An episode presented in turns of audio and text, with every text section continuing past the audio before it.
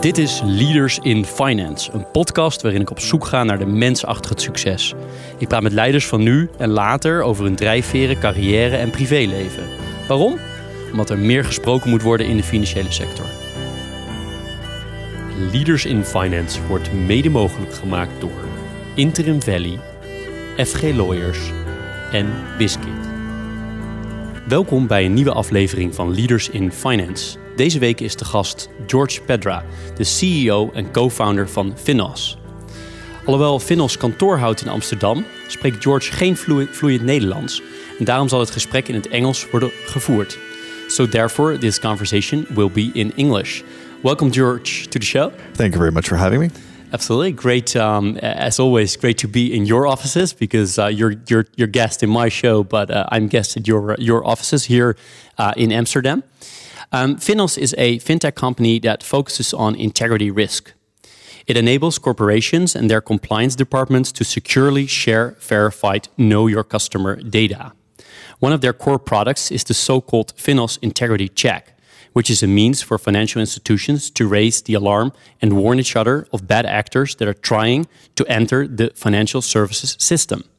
Finos was one of the nominated companies for the Blue Tulip Awards 2020. And in March 2020, they closed a 500k first funding round. George is a Canadian born who has been living in the Netherlands for 13 years. He has had a long career in the trust and corporate services sector, both in Canada as well as in the Netherlands.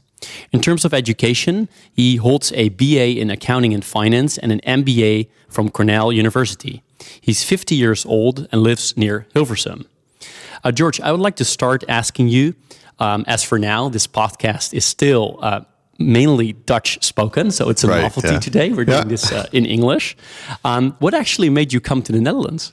Uh, it's a good question. I was actually invited here for a role as the CIO for a mid-sized trust company at the time, and that came on the back of me doing that MBA uh, with Cornell. So back then, it was really a consulting gig uh, with that company, and they said, "Well, you know, you did such a you and your team did such a good job on it. Why don't you uh, come out over here and head out the uh, technology team and help us with our business?" Was it an easy decision to actually move? Yeah, it was pretty easy. They offered um, the the choice was you know any of their offices. You know they they had offices in Asia, in Europe, and in the Americas. And since I had already lived in the Americas, I thought, well, let's let's give uh, Europe a try, and specifically Amsterdam. And that was really easy uh, practically. So that that tells you you know it was a uh, a good fit to be in Holland. It was a very practical choice to come to Amsterdam as well as beautiful. So I had come here, checked it out.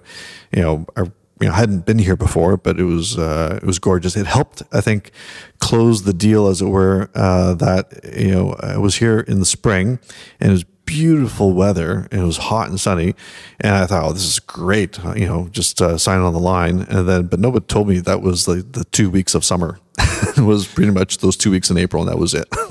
then it was rain after. It was rain and gray. So, but no, joking aside, it's a you know a smart option. Yeah. So, and was uh, the Netherlands like what you expected apart from the weather? Pretty much, yeah, yeah. Everything in my mind was, uh, um, you know, expectations were met. You know, the people, the culture, uh, the lifestyle, it all checked all the right boxes. Uh, you know, in terms of um, work and life balance, a lot better in that respect compared to uh, Canada or, or most uh, other large cities. I come, you know, come from Toronto, and there it's, you know, it's funny when when um, I first uh, went to work from Hilversum into Amsterdam, uh, the choice was made largely because of my experience in Canada. That you know you can commute into the big city, you know, and, and to work um, and live far apart. And back then, uh, it would take me an hour and a half door to door. Uh, from where I lived in the suburbs of Toronto into the uh, into my office in Toronto, and here it was half an hour. So for me, that was like a huge improvement in lifestyle and, and just you know you know just stress. Uh, but then when I, I, told a lot of my colleagues that I you know drive in for half an hour, they you know I got a lot of like really you so far away. It's a half hour by car. My God. So it's really funny that what you know the perspective you take and uh, the, you know your own point of view uh, will change depending. And now even now you know I'm I'm you know, I look at a drive of 45 minutes, I'm like, it's a little bit long. so what is what, what are the things you miss from Canada apart from family and friends? Um, well, I miss uh, a regular supply of maple syrup. and I do miss the wider fluctuations in the weather. I, I do miss you know an average thirty centimeter uh, snowfall uh, in in the winter, and I, I do miss uh, you know consistently hot uh, summers. Uh, whereas here, it's consistently sort of uh, the same. it's it's not too cold in the winter, rarely snows, and not terribly hot in the summer as Well, with the exception of the past couple of years, you know, and uh, probably into the future, unfortunately. But uh, that's that's the the biggest difference. In the uh, introduction, we spoke about uh, your your career in corporate corporate services uh, sector before. Right. Um, so, what what made you become an entrepreneur? I've always had that in me, to be honest, uh, since I was in high school and dabbled in a lot of entrepreneurial ventures, starting you know young age, uh, even into university, and it was really then my career took off uh, when I left university uh, in the corporate world. Uh, so whether it's banks, uh, trust companies, venture capital firms, investment firms, you name it, and it really you know, so it was always there in the back of my mind. And I thought a couple of years ago, uh, you know, the circumstances, the timing, everything lined up perfectly. It's like, okay, well, now's I got to do it now. Were you nervous about it? Oh yeah, oh yeah. You, you know, you wouldn't be human if you weren't nervous. what were you mostly afraid of? Um, well, like every other entrepreneur, you know, not hitting the marks, not you know, not not making the cut. So that's the. Uh, but I think you know, my business partner and I we mitigated a lot of those risks by uh, following some. You know, we researched the hell out of everything, of course, uh, and we wanted to make sure we didn't reinvent anything, including good practices and how to run uh, this kind of company. You know, so we, we didn't want to uh, make new mistakes. We wanted to leverage other people's mistakes. And I think we've done a pretty good job on that. So you founded the business together, right, with one other uh, partner. Yeah. Uh, how did you guys know each other? Um, he actually, we worked together. We've worked together for a number of years. Um, I actually hired him back in the old days at a company that, the first one I, I worked here at ATC. Uh, so I've known him for well over ten years. And that's, I think, the best kind of business partner to have is uh, where you know each other very, very well. Yeah and you're in a trust business at the same time this um, industry is you know getting a lot of attention right now. Right. i mean the last few years but also the last half year. Um, but it's a trust business and i guess also from a trust perspective to win big clients for your business they need to trust you Right. So how do you do that? Well, as a small business. luckily for us, we have a solid um, basis and reputation. You know that we come from the industry, so we understand their plight and what's going on, and also the the trends and challenges facing the industry. Uh, and so I think that credibility helps a lot with trust, especially as now we're selling back into the industry. So we're not. Uh, a lot of times with these businesses, these trust companies, they're not all that large, and a lot of them we know from our own experience uh, face um, a sort of onslaught of con- consultants coming in trying to sell them basically a solution to everything for a lot of money, and not a lot of them are successful. So we knew all this coming in, and our, our proposition uh, was built around that. That you know we don't want to. Uh, solve problems that aren't real, uh, but also we don't want to just you know come in and uh, just you know charge like crazy and have you know, mega projects. Uh, so it's a more practical way of solving some of their problems, and we know we know firsthand what they are facing, not just from the business side of things, like literally from the operational technology. Uh, you know, we could have come from them uh, you know, literally from every single office, they all share the same problems. So, could you describe what are your current clients, what they look like, but also potentially what other clients could be? Because it's not, I guess, not only in the trust sector, right? Yeah, we we started we are starting with the trust sector because we know really well. So it's, it's a it's a good point to uh, a good launch point to get some traction. Uh, but more broadly, it's a financial services ecosystem uh, market that we're looking at, and by ecosystem I mean um, all the players in a space in the financial space that require uh, this you know problem to be solved. Uh, for example, uh, some lawyers, uh, banks as well. We're in uh, discussions right now, early discussions with a major Dutch bank uh, on this topic as well, because they all play a part in this pain of not being able to share basically CDD or client due diligence information. And that's essentially what we're aiming to achieve, and we're starting with this integrity check, which is a critical, critical, important one in Holland. So if I if I'm a bank or another um, uh, potential customer, what exactly am I buying from you? You're buying access to a platform that enables you uh, to uh, inform, but also be informed of bad actors. In this case, with the integrity check uh, in the ecosystem. So uh, you can, for example, you know, avoid taking on a client that a pre another you know one of your competitors kicked out for integrity risk, and that's that's huge. So you're buying is basically access to uh, information that can save your you know bank for some embarrassing uh, you know acts if you come if it comes out later for example that you took on a, a client that had integrity risk up until now you, there was no way of effectively sharing that uh, that type of compliance information you know, most banks and most trust companies or they all for that matter uh, will scan publicly available information, you know, the sanctions lists and the politically exposed persons list, all this uh, publicly available information. But while the client is within their walls, they may discover something that leads them to conclude that there's integrity risk with this client. And based on that, then they exit or fire, get rid of this client. And now this client, just like you said in your, in your intro, is just out there, uh, then goes around knocking on doors, trying to find the next bank or the next sucker, essentially. Um, so there's information that each of these financial institutions has within their system that is not being shared, which we think should be shared. And in the case of Dutch trust companies has to be shared now by uh, by law. So what we're saying is, you know, together uh, the financial ecosystem will be stronger by sharing this information about the bad guys, so that the bad guys can't take advantage of the sort of the the missing gaps or missing information between the different banks, um, you know, compliance databases, as it were. So I guess your platform becomes worth more and more the more yeah. customers are on there, exactly, right? So yeah. you need a critical point, I guess. Exactly. Yeah, it is a, a network effect uh, platform. Uh, so that in the beginning, in, this is where you know, in the beginning, of course, it's like a fax machine. I always say it's you know, you know, imagine the courage it took to buy to be the person to buy the very first fax machine you know, you know, and then you have to convince your friend, and then all of a sudden it doubles in value, and so on and so on. Uh, so in the beginning, there's uh, you know a little bit of a steep uh, curve in terms of getting people uh, to, but most most of our clients understand that they understand that the value will come from time, but you have to start now. You you can't get to the future without starting now.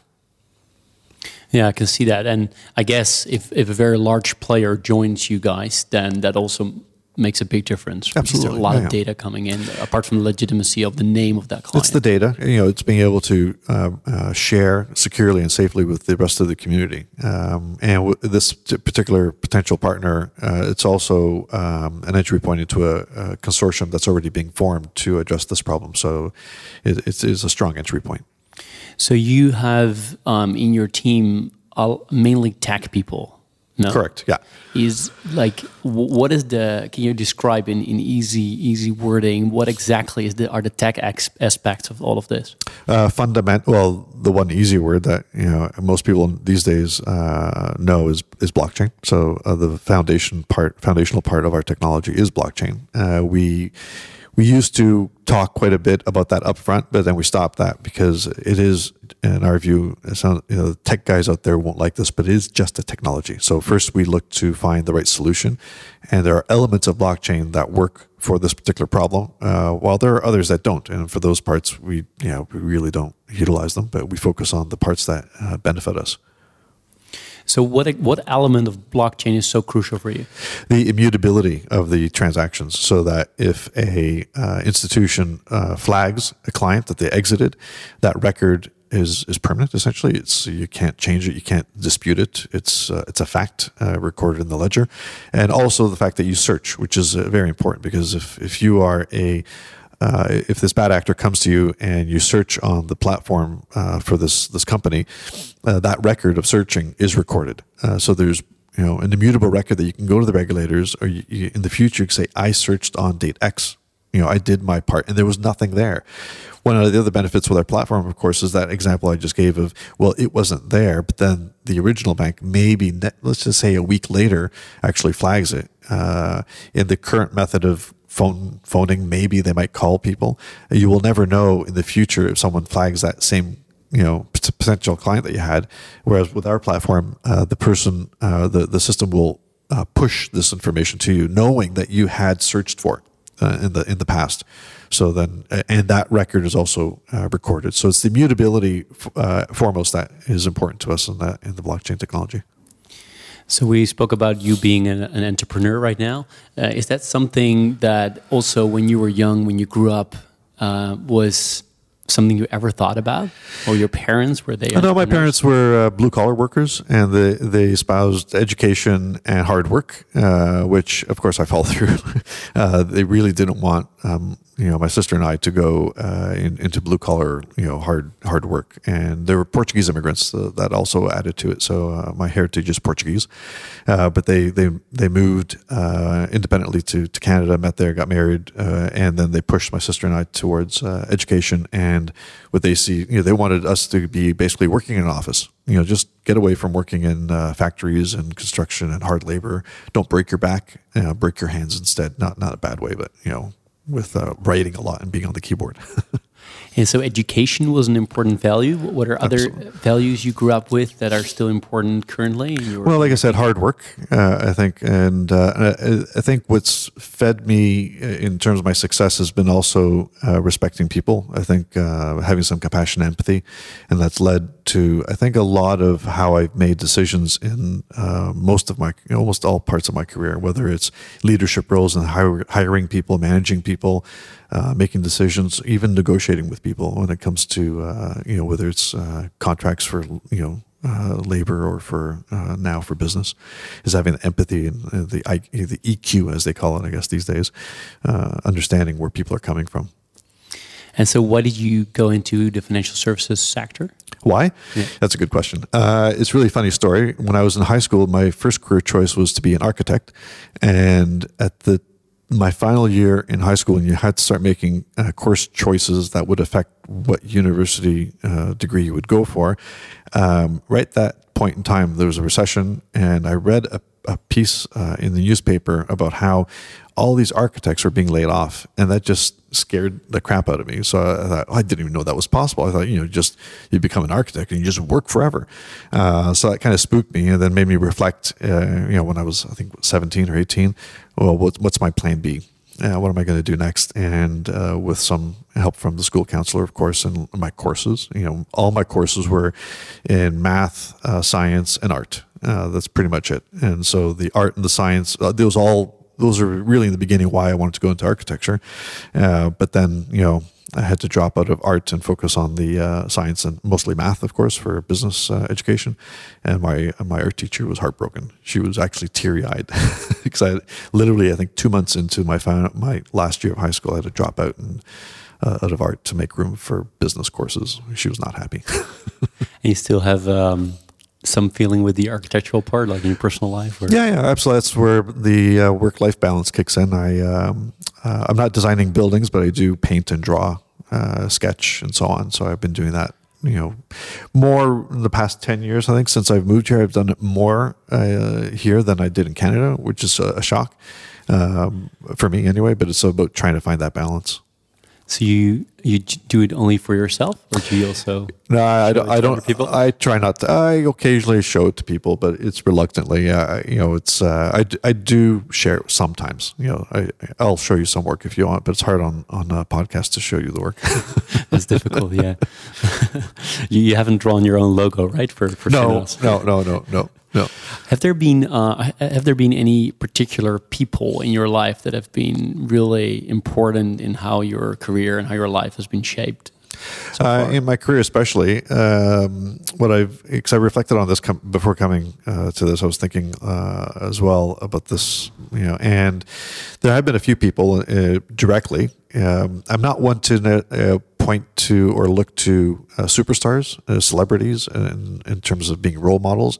And for me, that's because, well, that's just what there's one part of what you see and hear from people when you read about them or, you know, or see them on TV or whatever. So it's very one sided and it's very uh, simple.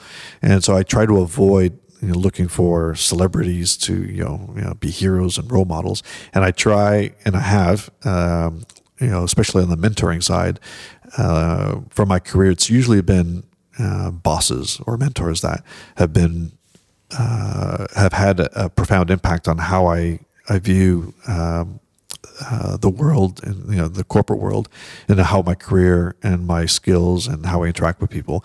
Early on in my career, there's one guy uh, in particular. His name is Peter Donor, and I'll name and shame him. I don't think he'd mind if you heard this. Uh, he'd probably get a kick out of it. We're good friends right now uh, as well, still. Um, but you know, he was my boss ages ago. Ages ago, just I think um, maybe five or six years after leaving uh, university. So it was, I think, my second job, to be honest. And uh, there are a couple of things. The very, very first one was the fact that he even hired me. Because uh, on paper, I was not qualified. I applied anyway. On paper, I was not qualified, and his boss didn't want to hire me. Uh, but he, I guess, obviously saw something in me uh, that uh, said, you know what, you know, let's let's take him on and uh, you know, and then yeah, we had a, a, great time. You know, produced a lot of excellent results, and and uh, out of that came a friendship that's lasted to this day. And his style was always about giving people uh, a shot, the underdog, and um, based on on not just feeling, but also you know the interpersonal connection that you have when you meet people and so on, uh, but also you know the ethic, work ethic. We worked hard, but we played hard as well. You know, so that was also important. And uh, some of these things I, I still carry. I remember had a profound impact on me. That you know what, this is how it should be. You should you know be hired by people that believe in you. You should be you know, a lot of people just give that lip service. You know, that you read about this that, oh yeah, you know, people matter. Our company's greatest asset are people, but most of the times it's not. It's really up to an individual that can make a huge impact on you, like this guy did.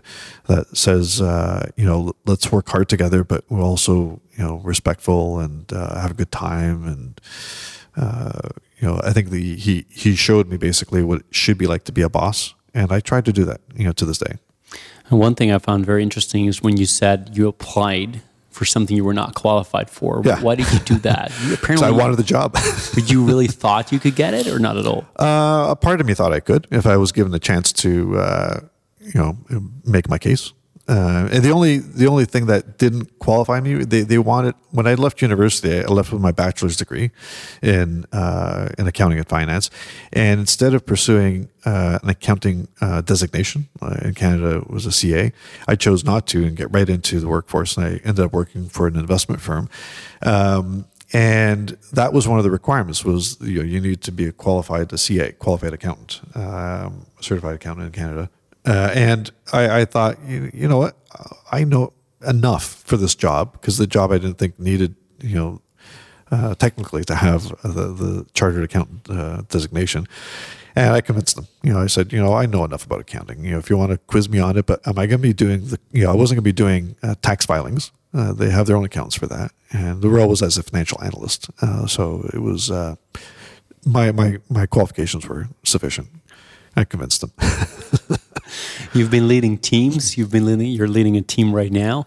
Uh, what's your way uh, to motivate people? I think what I've always done, and thanks to Peter as well, is is believe in them and let them sort of set their own uh, pace or goals, knowing what the overarching objective is. So giving them room and trust. You know, I always believe in trusting people uh, until I have a reason not to. So a lot of people start off the opposite direction where they don't trust people, but I prefer to give people the benefit of the doubt, and also you know stretch challenges. So really, it's uh, uh, trying to also get people to sort of uh, admit what they really can do and what you know what's the most challenging part or how much can they potentially do and try and push them towards that but in a respectful fun way you know not not a way that just breaks them if you start your day in the morning um, what what is the thing that motivates you most?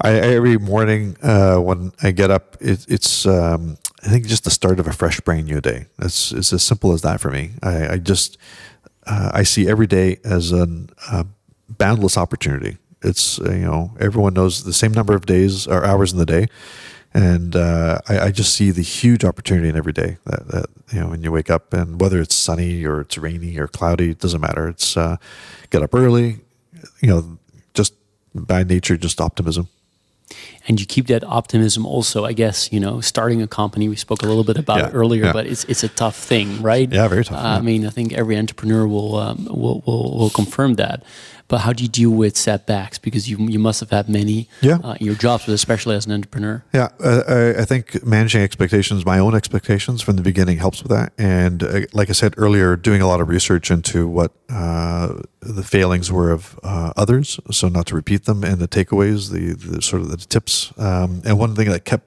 uh, I kept reading and hearing was to expect a roller coaster, an emotional roller coaster, and not to get uh, too obsessed with that downturn. So that because of, of course, if you do, then it's just a, a, rabbit hole you may never get out of, and that's where you know major depression can probably kick in and and worse. So uh, I keep that in mind whenever we have whenever we have some down down times, uh, some days that aren't the best you remember that, well, it's just the downside. There's going to be an upside. They happen, it always happens. it, it is literally a roller coaster. And uh, anyone that tells you it's just you're always on a high, they're lying. It's impossible. Um, it's just a fact of like you, you regress back to the mean. You know, even on high days, you can't always have high days. You can't always have low days. You always get back to that sort of steady state. And for us, what's important is that as long as that that mean is uh, going in an upward trajectory, then we're fine. We're good you know, uh, not to get too sort of cocky when things go great. Uh, we sign on a fantastic client and think, you know, it's great to think we're going to conquer the world, and we, you know, of course we want to, but it's also realistic to say, well, as long as we keep moving upwards and forwards, and not to get too drowned out or bothered by the, um, you know, those those downs that inevitably do come up. Yeah, I mean, I think your your website or something is already called Finos Global, so you do think global. Though. well, you know, it is a global problem. You know, the bad guys don't hide in one particular country; they go everywhere. that's, uh, that's, that's interesting. And from a uh, from a perspective, once you've now um, you've you, you you've felt this, you know, being an entrepreneur, could you ever work in a in a corporate environment again? That's a good question. Um, a part of me find you know I, I read a lot about some entrepreneurs that say I could never ever go back. And you know I never say never. Uh, I'm not the kind of person that says you know never to anything. Like you just don't know. Uh, could I? Uh, sure I could under the right circumstances and the right opportunity. For me it's all about the opportunity. If it's exciting or interesting and by this I mean for example if if uh, in a couple of years we were you know bought out by a big company that wanted to sort of, uh, um, you know, either you, know pull in our technology into their corporation or uh, as an offering for their you know for their clients it would really depend. It's not just i think about the the euros. It's also about what, what opportunities there to make change as well to further uh, what we've built so, in this uh, second season of Leaders in Finance, we have this questioner from a listener. So every week, this is another listen, listener that that uh, poses a question to uh, to the guest. Um, so here we go.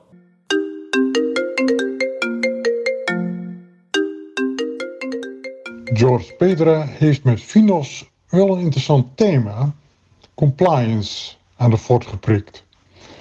Ik heb in mijn private banking praktijk de worstelingen gezien met CDD en transaction monitoring. Daarom mijn vraag: is het nou voorstelbaar dat met superslimme ICT en data mining een klant geen transacties meer hoeft te verklaren, want het heeft het systeem al geconcludeerd?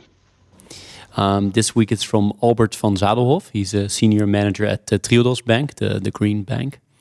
Uh, he says uh, uh, George Pedra has a very interesting theme he's working on with with his compliance products.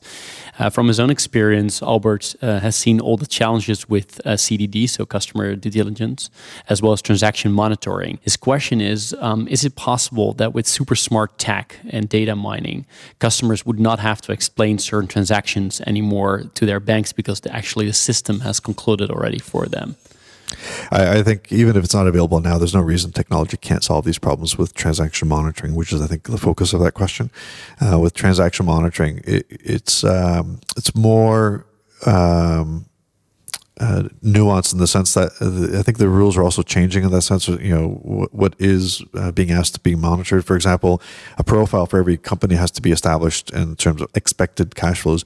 But the problem I have with all of these regulations, uh, all of them, is that it, it's based on basically what they uh, what's happening now, and what doesn't happen enough is think more like a bad guy because uh, I think a lot of times these transactions are, are not coming from, or the problem transactions, I should say, are not coming from bad guys, but the problem transactions end up being caught in the net and it slows down a lot and it costs a lot to the economy, to val, you know, legitimate businesses and so on. So yes, I think technology can help solve that problem, uh, the, the transaction monitoring, but they probably have to rely on a ton of data and also some AI. And that data might be a challenge because you need the, the, you need to cast a wide net to grab this information, right? So it's a company profile, what's expected. That's not going to be easily accessible. It's usually within a, a bank, for example. And then you have um, the web of transactions across all of their entities and so on that have to be checked against that. And there's a lot of still human sort of detective work that happens around that. Uh, a lot of transaction monitoring tools are uh, do exist right now. Uh, but I think the, the gap will always be in trying to outsmart the bad guys and, and trying to find the bad guys are always going to try and find a sneaky way to get past that.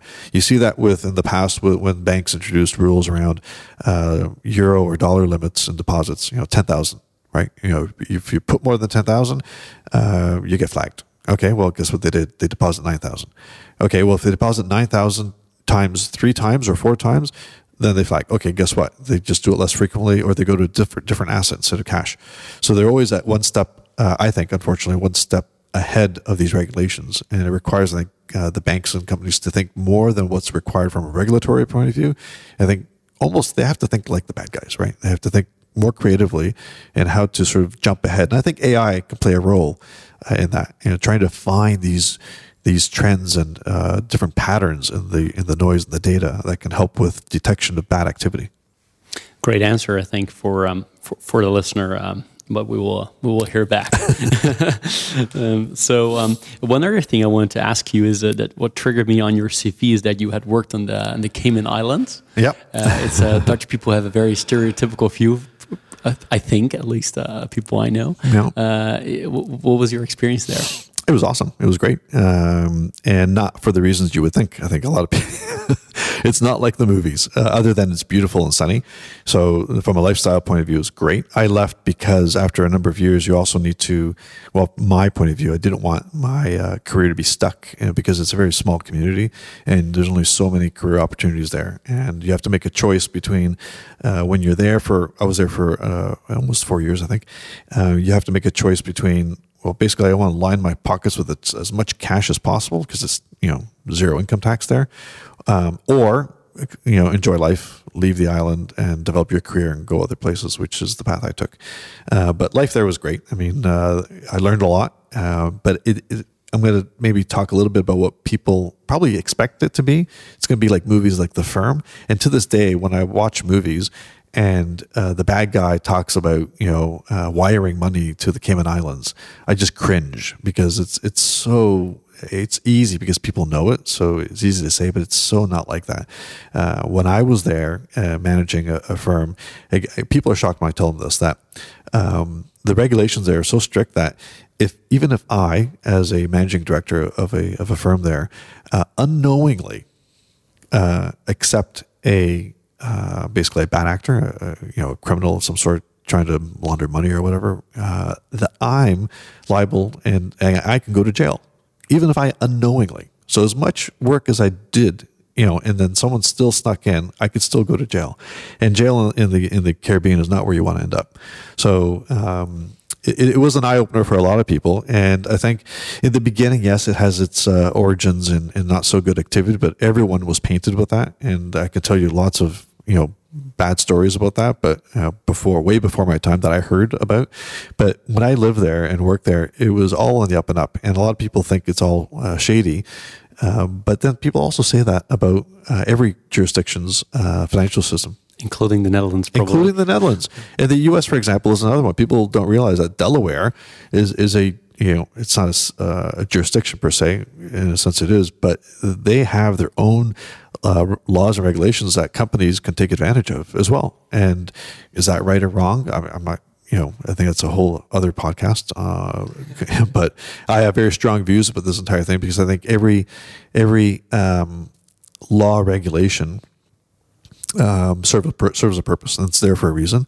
And uh, this argument of a moral uh, choice between doing something versus the legal choices is, I think, a little bit too simplistic because also as a company, you have a fiduciary duty to your shareholders uh, to do the best for the company. And sometimes, if that means making sure that your structure is efficient, um, is the best thing. And you could be liable again, unless they change these laws to say, well, you know, don't do that uh, or harmonize taxes. Uh, because as a company, if, if it's tax driven, by the way, uh, because in the Cayman Islands, a lot of people don't realize one big part of the business there has to do with um, uh, pension assets.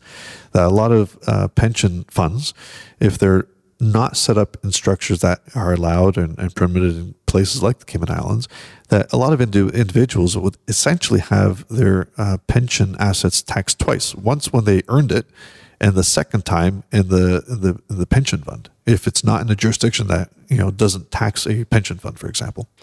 So, um, as I said in the beginning, we also have a, uh, a teaser and a pleaser. Um, on the teasing side, um, I've written down that the business of knowing your customer ultimately should not be done and this is a teaser, not my opinion necessarily, but ultimately should not be done by commercial entities like Finos, but should just be done by governments? Um, yeah, this is a, a, we've heard this several times, and we uh, take the view that uh, this kind of work shouldn't be centrally uh, controlled. It, it's pretty scary if um, all this data is centrally managed, and this is the the risk, right? Especially when you're talking about CDD information and profile information about companies. In a way, intuitively, it may sound right for a government to do that, but I think you also don't want that much concentration of information with uh, any kind of body. We, on the other hand, do not have access to the data because we use blockchain. It's decentralized as well, so the information is spread out amongst the participants in our network, and we take a stronger view towards decentralization of this data. Uh, and it's not just the CDD uh, world; it can also apply to other parts of, uh, you know, um, government surveillance, if you will. If you know now with people talking about uh, data protection with respect to uh, these apps tracking, uh, these apps that can help track and trace for with COVID nineteen. I think you know it'd be probably smarter to use technology like blockchain to help achieve some you know better level of security than a central uh, registry where this information resides. I think to have a central registry of information is, it, to me just doesn't. It's it's pretty scary.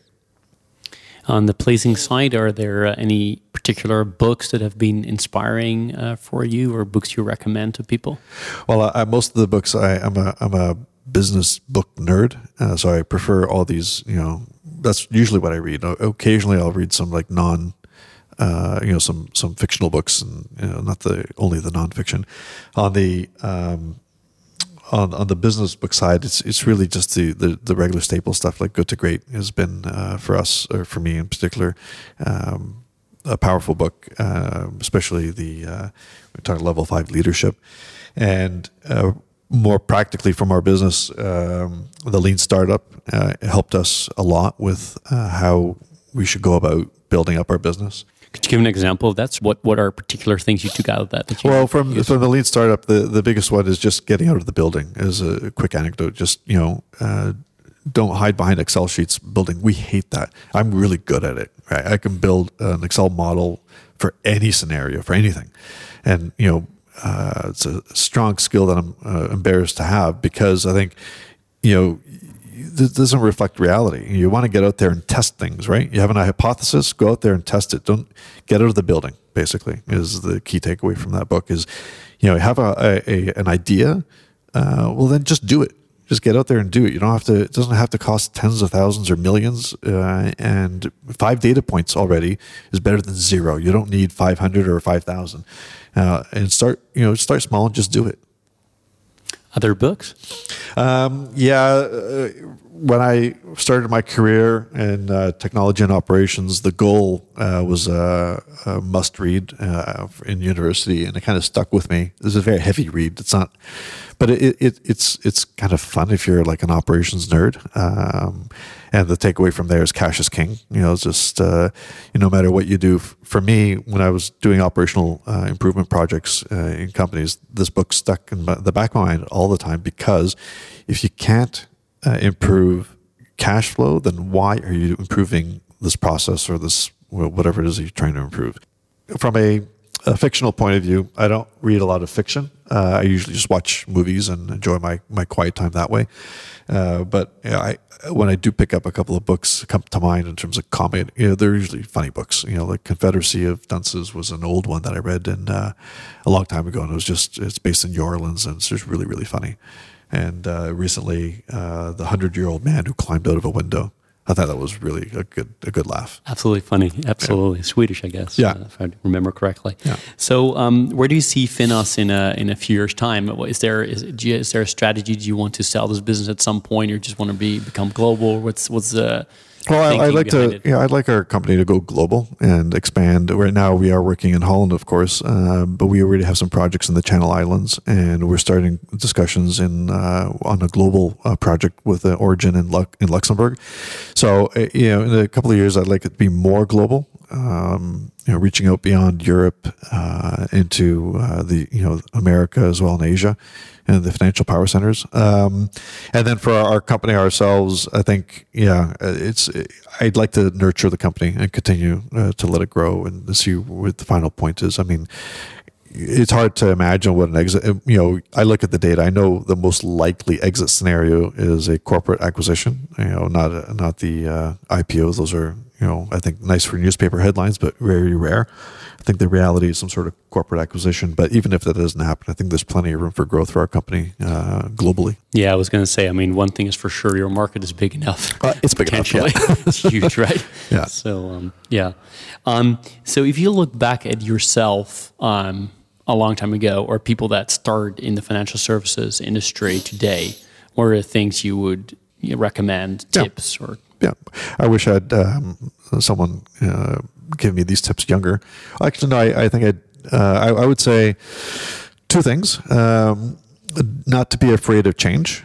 Um, and by change, I mean anything, uh, including uh, changing jobs, changing companies, changing countries. Um, and the second one relates to the latter point, and that is um, international experience. I think, especially in finance uh, in this world, it, it is really interconnected financially. Uh, you can't avoid that, and I think it, it would. Uh, it's impossible not to benefit from a uh, international experience, uh, whether it's uh, somewhere else in Europe or in Asia or North America. Um, you know, I think the more diverse uh, uh, experience anyone brings to the table is not just better for the company, but it's also better for you, you as an individual to grow. Um, I know that uh, even though I'm my background is Portuguese, um, moving to Holland really also broadened my understanding of you know other culture, other cultures, you know the neighboring uh, countries as well, and an appreciation for uh, how people interact with each other in business because of that um, you know, you, you often develop sort of myopic thinking if you stay within either the same company, the same job, or the same country. So I think change uh, is is is important not just for your career, but also for your I think life satisfaction. You want to, but it's not in everyone's DNA, and I can appreciate that. I know people that uh, change. Most people change will scare them. You know, they'll you know, it's like a deer caught in headlights, as we say in Canada. It's just like it just you just freeze if there's like a any kind of threat of change. So most people are just okay with just sticking with how things are, and um, but if you have a sort of a, a, little bit of an appetite for change, I think you should go for it. I think. Uh, you know, change your job your responsibilities, and not just changing your job for the sake of changing your job, but aim for different uh, varied responsibilities. You know, start in the the front office, go to the back office, go to middle, go to you know managing people, and if you're young, especially, try and, and have as much uh, varied experience. But by the time you hit like around thirty, um, because then your career will cert- hit a certain sort of trajectory that you probably want to stay on. So up until 30, you have that luxury in that room to sort of, you know, play around and see what you like and try. Because uh, I think the, the, the saddest thing is if there's untapped potential, right? If a, if a person thinks they belong in a certain role or function uh, and they stay there just because they didn't challenge themselves to try something different, and then they could have found out that maybe their strength laid somewhere else and they would have prospered even more personally and, and uh, from a career point of view You're building a you're building a business, which is uh, definitely an intense process. I'm sure. Uh, how do you combine that with your personal life? Well, uh, the balance is difficult, um, but I do try and uh, just chill, you know, and um, you know, from a health point of view and mental, and uh, you know, for me, it's just habits and routines. So I, I it's too easy when you run your own business to work uh, 20 hours a day. And I know in some places, in some corners of the world, like with Musk, for example, he brags about how he, you know, sleeps, I don't know, whatever, two hours a day or some ridiculous thing. He sleeps at the office. I don't think any good can come from that. Um, personally in the long term, but also for your organization. I think that that's just that's that's just bad news waiting to happen.